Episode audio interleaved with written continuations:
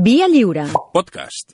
Au village sans prétention, j'ai mauvaise réputation. I a més és un d'aquests exagrables que us agrada perquè estan encara calents. Sí, sí, sí. Aquest, aquest calent, calent va anar sempre. Ja. Diguem-ne, eh? Ja, ja, ja, ja, ja. Una altra cosa el pot acusar, però no de no anar calent. No, perquè és un execrable que aquest, quan sabíeu qui és, no cal explicar per què és un execrable, perquè no és execrable. És un autèntic fill de puta. Vale. o sigui, és el Vinga, malvat ja, per minut, antonomàcia. minut 1, ja, ja en tenim, ja ha sonat la campana. Ja, però el tio... Però, però, però desperta una grandiosa admiració precisament per dolent que era, perquè ells, com l'encarnació del dimoni, del diable, del mal, però no el, el dimoni aquest de, dels pastorets del Pere Botero aquest, que fa riure, no, no. El que li mola gent com, com Guillermo del Toro i, i tarats. Guillermo del Toro li agrada? Guillermo del Toro fa una... Fascinació, Tarantino... Sí, tot aquest. És la, la... Si estem parlant d'un assassí cruel, un manipulador, un proxeneta, un lladre, un violador, agressiu amb les dones, filonaci, racista, un perla... En definitiva, però que, que és el que dèiem, hauria de ser odiat per tot el món, però és que vivim en una societat de tarats i de- de- d'idiotes que, és, que, que, que, que, que desperta una admiració malaltissa cap a, cap, a, cap a aquesta persona, que és un objecte de culte per part de gent que se suposa que és normal i que consumeix qualsevol cosa relacionada amb ell, com si en lloc de parlar d'un malparit mm, parléssim de Messi, de Nelson Mandela, no? Ah, perquè aquest home ha inspirat sèries de televisió, cançons, milions de llibres, que estrelles del pop que, que s'han posat el seu nom, Marilyn Manson, per exemple. Només per, perdona, només per, per fer, per crear Marilyn Manson ja és per superar tota la vida, eh? eh? Tarantino està fent la seva pròxima Sí, pel·lícula, serà sobre, sobre aquest personatge.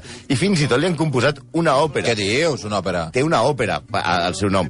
En els 40 anys que va estar empresonat abans de morir, la setmana passada, rebia més de 20.000 cartes d'admiradors a l'any i centenars de propostes de matrimoni. Sí, com podem arribar a ser tan gilipolles Vinga. i admirar algú que és la pitjor cara de la humanitat? Amb tots vostès, Charles Miller Manson. think you're loving, baby, and all you're doing is crying. Can you feel? Are those feelings real? Què és aquesta cançó?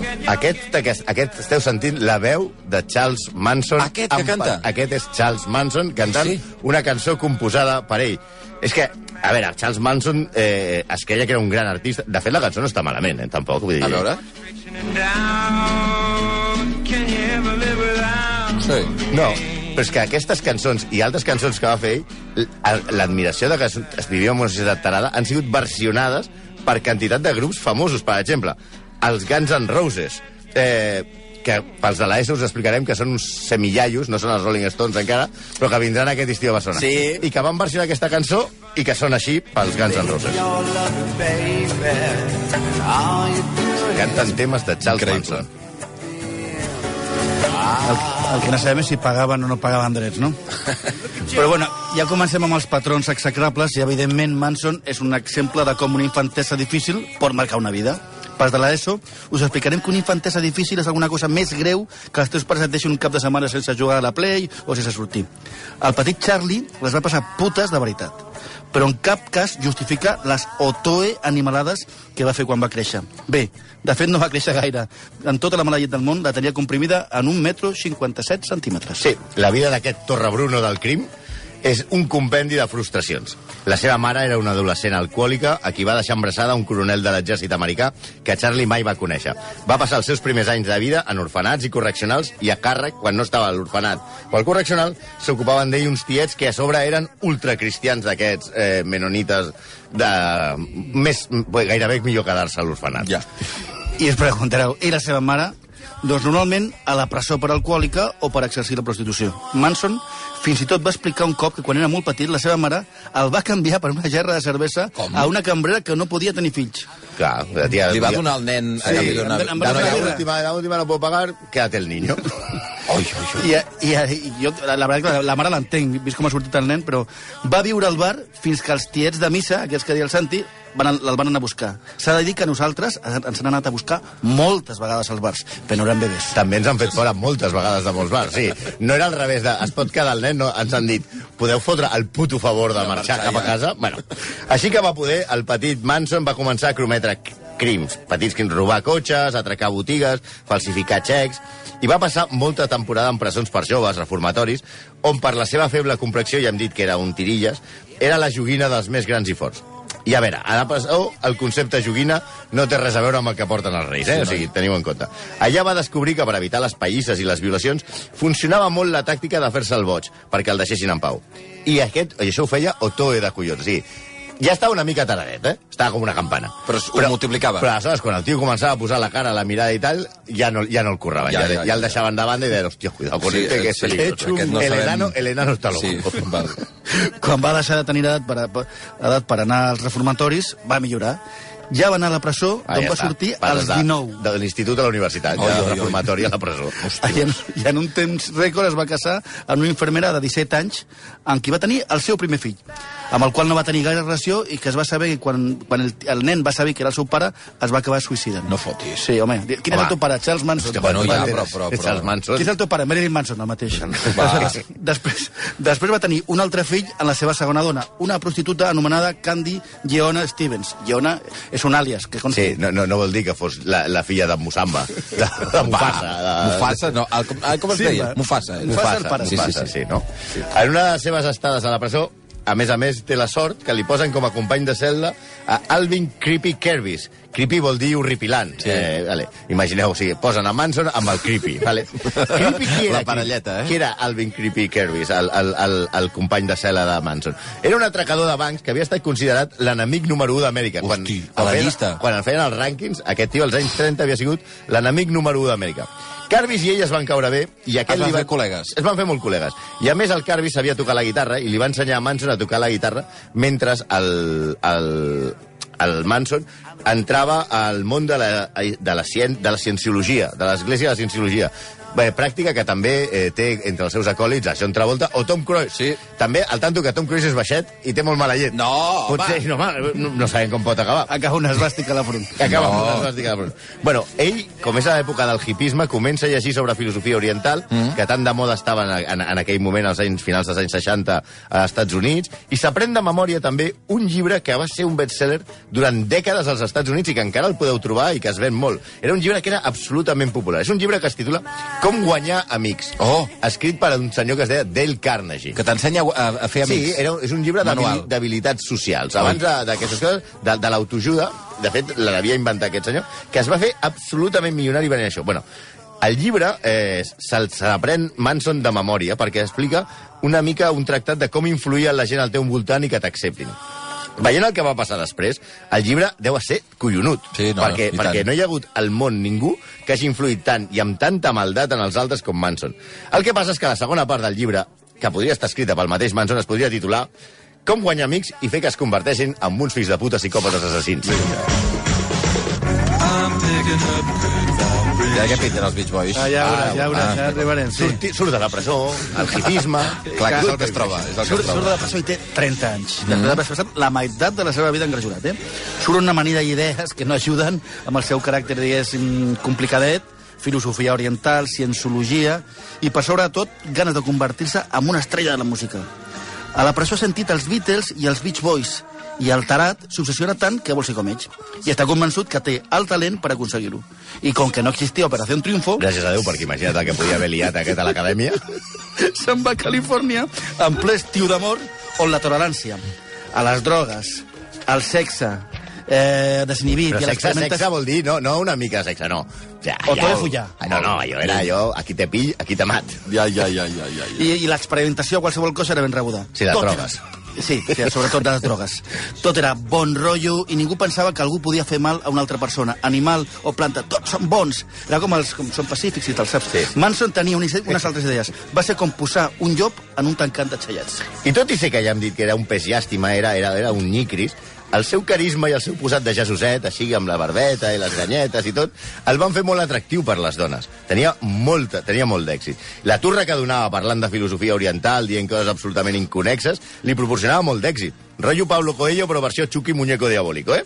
Tant és així que de seguida es lliga amb Mary Branner, bibliotecària de la Universitat de Berkeley, amb qui se'n va viure al seu pis. Ella el veu, li fot el rotllo de la mística, cienciologia, el paz, el karma, no sé què, vine aquí que t'endinyo, pam, pum, pam, i la tia diu, vine tu a casa i, a, i la posa a viure al seu pis. I ella, a més a més, ell no treballa res i ella el manté convençuda que estar amb aquell home li dona pau espiritual. La senyora la va clavar, eh? Visionària.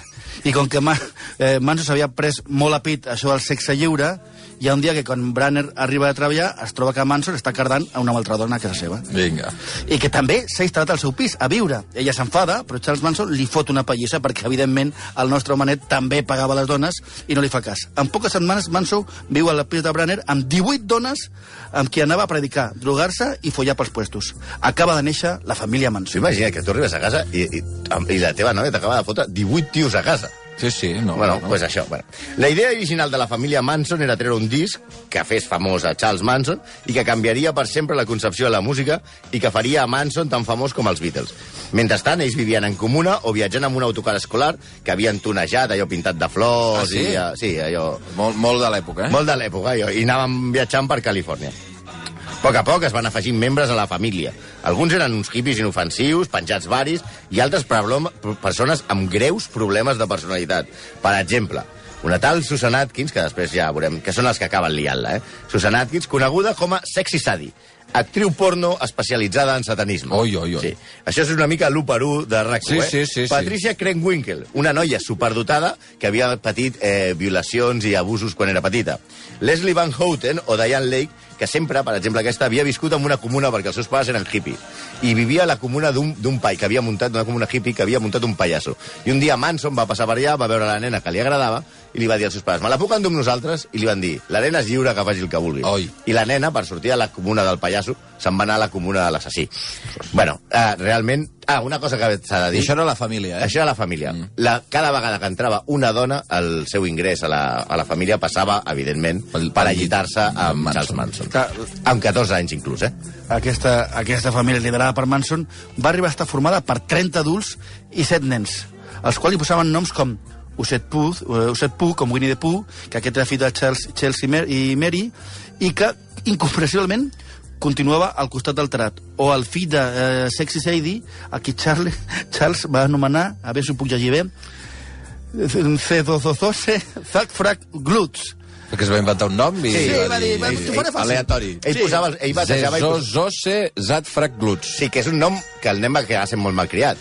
Perquè tu quan l'has de cridar... Oi! Desozozoses, El s'ho sopar, penja eh? en la sopa! El sopar. No, no, no, no, no això. Ja, quan li has acabat de dir el nom, el tio ja està fent el que li sortia. Bueno, però clar, evidentment, parlant de 30 adults 30, 30 persones? i 7 nens, tots en l'autocar, allò, amunt i avall, Vinga. LSD, porros, mescalina, ara parem... Però clar, això costa diners, perquè han de, Home, menjar, sí. han de menjar. I ells, no, evidentment, aquí no pagava un brot ni Déu, ningú treballava. Però això no era problema, perquè Charles va agafar les dones, que eren la gran majoria del grup, hi havia una proporció d'una dona per... Ai, quatre dones per cada home, més o menys, i els hi va dir que per, perquè poguessin menjar havien d'exercir la prostitució, per tal de mantenir el grup. Moltes vegades allitaven amb empleats de supermercat per tant que els donessin menjar. També les utilitzava per tal de prosperar a la seva suposada carrera musical. Una de les noies que va estar a la família recorda aquell temps dient, en veritat, Manson era un masclista proxeneta i nosaltres formàvem part d'un estable de putes, però mai ens vam adonar. Oi. Sí, un dia, eh, dues noies que anaven per la carrera fent, fent autostop, les va recollir un cotxàs que conduïa un hippie atractiu, famós, ric, drogadicte i que li agradava més follar que un tonto en llapis. Es deia Dennis Wilson i era un dels Beach Boys, quina casualitat. Ai, ai. Va recollir les noies, van anar a casa seva a llitar-se amb les dues i les va deixar anar allà mentre anava a una sessió de gravació. Quan va tornar a la nit, va trobar-se que la seva mansió ocupada per una vintena de noies i nois despullats muntant una orgia a casa seva. Un, el líder, òbviament, era Manson, que va sortir a trobar-lo i li va dir «Germà, no pateixis, que no et faré mal». No et faré mal. I el, li va, es va genollar i li va vessar els peus. Wilson es va treure la roba i es va integrar al, al Això, grup. això el Dennis Wilson dels Beach Boys? Sí, va el, dir, el que va acabar suïcidant-se. Això és com la cançó de Sabina. El, el, Esta Dennis la Wilson, que nunca està en una orgia, saps? el Dennis Wilson era el més Beach Boy, el, el hippie més hippie de tots els Ja. Beach Boys. Era el que estava més implicat amb el moviment hippie, amb l'LSD, amb les drogues, i el tio realment era un tio molt atractiu mm. i, i va veure allò i va dir, hòstia, quina juerga. No, sí, el tio va tornar a casa, va veure 20 tios allò cardant a sobre Sí. el sofà de la piscina i tal, i, va dir, I- i vinga, i va afegir. fer-los fora, va dir, m'apunto. D'acord. Bueno, aquesta va ser la porta d'entrada de Manson al món dels famosos, perquè realment Manson va ser el col·lega dels famosos. Per això dèiem que és un il·lustre, perquè el tio va aconseguir l'oportunitat de desenvolupar el seu talent musical, musical gràcies a que Dennis Wilson el va ajudar. Ell li va presentar la resta dels Beach Boys, a gent com Neil Young, Jack Nicholson, The Birds, els Grateful Dead o Jefferson Airplane, Dennis Hopper i productors musicals com Terry Melcher, que eren assidus a les seves festes, perquè bàsicament es posaven com a cabres amb la mescalina, l'LSD i es feien un far de cardà. Novament, Manson utilitzava les noies de la seva família com a prostitutes. Fins i tot Manson va arribar a gravar maquetes, com la que havíem sentit al principi, a l'estudi dels Beach Boys. Ell es pensava que arribaria a ser una estrella de la música. I mira, per exemple, la seva relació amb els famosos. Didi Show, que no us sonarà de res, aquesta noia, fill, però que és la filla d'Àngela Lansbury, que si recordareu és la magnífica bruja novata Sí, de la pel·lícula, la filla d'Àngela Lansbury es va integrar a la família Manson. No fotis. Sí, fins que la seva mare, la bruja novata, li va treure les, els diners de les targetes de crèdit Perquè i ja no la va tia va haver de i tornar a casa. Quan va començar a passar gana i li van dir que es prostituís, ja va dir, aquí ja no passo, i va tornar a casa. Era novata però no tonta. Sí. Però a poc a poc els famosos també també es comencen a cansar del mag, que és com li deien al començament, i de les seves excentricitats. Per no parlar de la gonorrea, que era un membre més de la família, perquè Manson havia prohibit terminantment l'ús de qualsevol preservatiu. De fet, Dennis Wilson va abandonar, va abandonar casa seva i se'n va anar a viure a un altre lloc deixant que Manson acabés de destrossar la casa fins que acabés el lloguer de la mansió. Només en desperfectes va haver de pagar 100.000 dòlars. Aquest abandonament i en veure que els famosos no li feien cas va provocar en Charles un sentiment de frustració i odi cap a la societat. Si això li afegim la ingesta massiva de drogues, no ajudava, i el seu equilibri emocional, tenim la tragèdia a les portes. Pintava que acabaria malament. I realment va acabar fatal.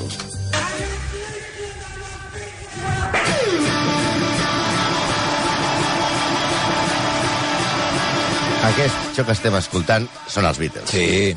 En aquella època els, els Beatles treuen el famós disc blanc. Mm. Un disc amb el qual Manson, Ma- Manson s'obsessiona Otoe. Estava convençut que el disc contenia un missatge ocult sobre una guerra de civilitzacions que predeia l'apocalipsi. Toma ja. Especialment una cançó, aquesta, Helter Skelter.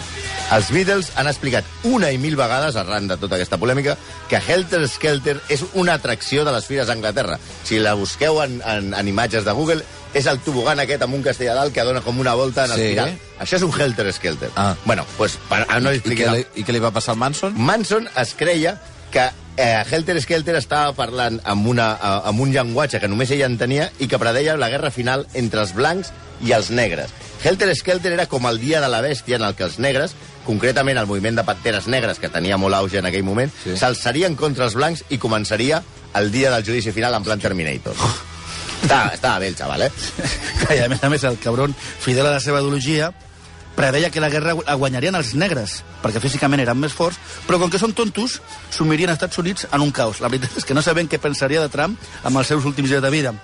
La família Manson va començar a preparar-se per la guerra. Per aquesta guerra inexistent. Sí, que, sí, que, sí, sí, que- sí, la típica secta que diuen, hòstia, Sí, sí. ve el final del món, Sí, sí, ja sí, està. Ens hem de preparar. Ens hem de preparar. Què van fer? Van, què van fer? Van ocupar un ranxo a Califòrnia que, alerta, era un antic decorat de la sèrie Bonanza. Si Oi, veieu, oi, si oi, veieu oi. Bo- Bonanza, Sí o no? a, a, on vivien els Cartwright, allà a la Ponderosa, Allà allò, van a viure els allà Manson. és on van viure els Manson. Ui, ui. perquè el propietari, que tenia 80 anys i que era amic sec, els deixava a canvi de tenir sexe amb les noies. Una altra cosa no feien, però Cardà. Sí, no. La verdad Van comprar ar- armes i van fer instrucció militar. I sobretot, prendre drogues. Otoe, otoe drogues, drogues mentre s'arribava al Helter Skelter. Qui no voldria passar un cap de setmana Casa en aquesta rural, home, alegre una casa companyia? rural. Aquesta, ho podríeu sortejar. A- Alegre. A la Casa ràdio. rural amb els amics Manson. Amb la família Manson. Però si ara tot sembla una pel·lícula de Torrente en versió llubor, fins ara no és massa greu, tampoc que fan, no? Ara comença el drama. Tot es complica quan els Beach Boys posen a la cara B d'un dels seus discos la cançó Sis to Exit, composada per Manson. No li van signar, i això va ser la que va ser mos. Com el Helter Skelter es retardava, ell el provocaria. Primer va anar a veure un cabell negre que ell suposava que era de les Panteres Negres i li va fotre i el va matar, el va, el va apunyalar. Esperava que això provoqués una revolta, que els blancs i els Panteres Negres es, es piquessin. Evidentment, va ser un cabell mort més i ja està, i no va passar res. Dies després va enviar tres de les noies i a un dels membres de la família, un tio que es deia Bobby Beausoleil, que era un dels més tarats de la família, a robar un altre camell que a més era productor musical. Aquest el van torturar durant hores abans de matar-lo per tal que els digués on guardava uns diners que no tenia. Una de les tortures era lligar-lo amb una cadira i mentre li preguntaven li van tallar una orella amb una navalla eh, de Oh. Reserva Us sona? Home, A Tarantino, Tarantino. quan es va enterar, ho va incorporar, i ara Tarantino farà la pel·lícula de Charles Manson. Sí, us, es- us podeu esperar que la pel·lícula de Manson, de Tarantino, Pot ser- pot ser bueno. magnífica. Bueno, Sí, no, bueno. no apta per estómacs sensibles, crec, eh? eh un cop mort, Aleshores van escriure amb sang del, del mort a les parets de la, seva, de la seva casa el signe de les Panteres Negres. Perquè a veure si així la policia es revoltava i començava la guerra. Tampoc va, No va passar. passar res. I mentrestant, disposat a reclamar el que era seu, Manson va anar a casa del productor musical Terry Melcher, que no us ho perdeu, era el fill de l'adorable Doris Day, a exigir-li que llancés la seva carrera musical, però Melcher s'havia mudat i havia llogat la seva espectacular mansió del eh, 1051 de Cielo Drive a la parella de moda de Hollywood, el director Roman Polanski, t'estem esperant execrable, però encara no t'has mort, Encara. i la seva dona, l'estrella Sharon Tate, que estava prenyada de 8 mesos. El cas és que Manson entra a la mansió buscant a Melcher per dir-li que, què passa amb els Beach Boys, que tu m'has enganyat, no sé què, i no, sabe, no sabia que Sharon Tate vivia allà. I el, Sharon Tate estava fent una sessió de fotografies, el fotògraf, un fotògraf japonès, surt i fa fora a, a Charles Manson, i Sharon Tate durant un moment surt a veure allò que passa i es creua la mirada amb Manson, qui humiliat i absolutament sec d'ira, pren una terrible decisió.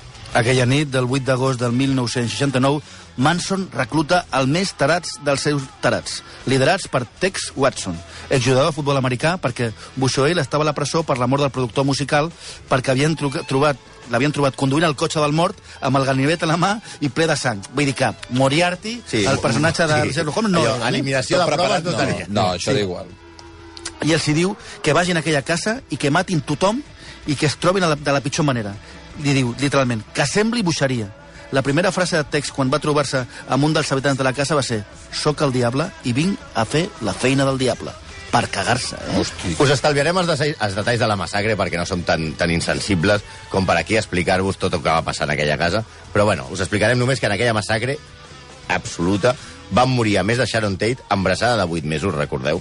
Quatre persones més de la pitjor manera amb una orgia de sang que va culminar amb tot de pintades amb sang a les parets escrivint Helter Skelter. Mal escrit, a més, perquè a més a més eren mig analfabets, els idiotes, a les parets de la mansió. Van tornar a casa i li van dir a Charles que no havia matat ningú directament el que havien fet.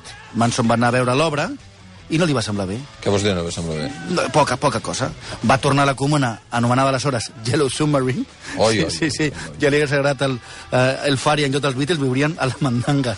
I els hi diu, apa, veniu que us ensenyaré com es mata de veritat. Surten en cotxe i trien la casa on pensaven, perquè tot això ho pensaven, no tenien informació, que vivia un altre productor musical, però s'equivoquen i entren a la d'un matrimoni normal i corrent. El matrimoni La Bianca, ella era mestressa de casa i ell gerent d'una cadena de supermercats. Tant els hi fa, com en l'altre cas, que no coneguin a qui torturaran i mataran. Us tornem a estalviar els detalls, que en aquest cas fins i tot són pitjors. Va, vinga, va, una dada. Us direm que entre els dos cossos del matrimoni i la Bianca hi ha gairebé 100 punyalades i que una forquilla de trinxar la carn pot tenir múltiples usos que no us heu imaginat mai. El crim va assumir Los Angeles amb estat de xoc. Es van accedir els Dobermans i els pastors alemanys. Què dius? La gent se'ls comprava Sí, per... sí, per protegir-se. Es van esgotar les alarmes i els, i els, els que tenien empresa d'alarmes es van fer milionaris. Warren Beatty va oferir una recompensa de 25.000 dòlars al que donés una pista sobre els assassins. El pare Jason Tate, que era militar, es va deixar els cabells llargs i la barba i va voler-se infiltrar a un, un grup de hippies de la ciutat. Això no sé si, si va funcionar o no, eh? perquè No, no, no, militar no, que no deixi el cabell llarg no, no té pinta de que funcioni. Frank Sinatra va vendre's la casa de Los Angeles i Steve McQueen, que havia estat eh, que havia d'estar aquella nit sopant amb Sharon Tate, va afirmar a la premsa que cuidado conmigo, que sempre vaig armat. La investigació policial va ser un despropòsit total, fins al punt que mai els haguessin atrapat si no arriba a passar el que us explicarem ara. Mai van relacionar els dos crims un amb l'altre, el de Sharon Tate i els de la Bianca, tot i que amb les pintades, la sang... Les- semblava. No, no, No, els eh? van relacionar mai. Només la detenció de dues de les noies de que havien participat a la massacre, una sexy Sadie, per possessió de drogues i robatori de cotxes, va fer que la cel·la, quan estaven allò, aquella cel·la de la pel·lícula on estan esperant el judici, que hi ha, Mhm. que hi ha més de, Sí, més de, hi ha més gent. 7 o 8, es vantessin elles d'haver matat en Sharon Stone. Dues prostitutes Sharon que... Tate. A Sharon, ai, No, perdó, la Sharon, no, Sharon Sharon Tate, perdó. Dues prostitutes que compartien presó es van xivar per la recompensa de Warren Beatty, que Warren Beatty, de veritat, els hi va pagar els 25.000 dòlars. I, al final, arran d'aquest d'aquest pecat d'orgull, va caure a la banda. Sí, van ser condemnats a mort després d'un judici que va ser un circ. Les noies arribaven cantant. Manson va, va defensar-se ahir mateix amb al·legats mm, d'hores en què deia als jutges coses com la justícia cristiana hauria de decapitar-te o vaig fer amb els vostres fills el que vosaltres els heu ensenyat. La pena van ser condemnats a mort, però la pena capital es va commutar per cadena perpètua per la temporal abolició de la pena de mort a Califòrnia. I a la presó és on, on, és on Manson aconsegueix ser finalment el que sempre havia aspirat ser, una estrella. Es converteix en una estrella mundial. Fins al dia de la seva mort, com dèiem, va rebre unes 20.000 cartes a l'any. Els presos, fins i tot, agafaven les seves restes de menjar o Oi, els seus oi. objectes personals per subestar-los o per vendre'ls al mercat negre, perquè hi ha una sèrie de gent taradíssima que admira aquest, aquest, aquest tarat. Que li compren tot. Sí, sí. No tothom l'admirava. Compartia presó amb un Hare Krishna parricida addicte a l'LSD.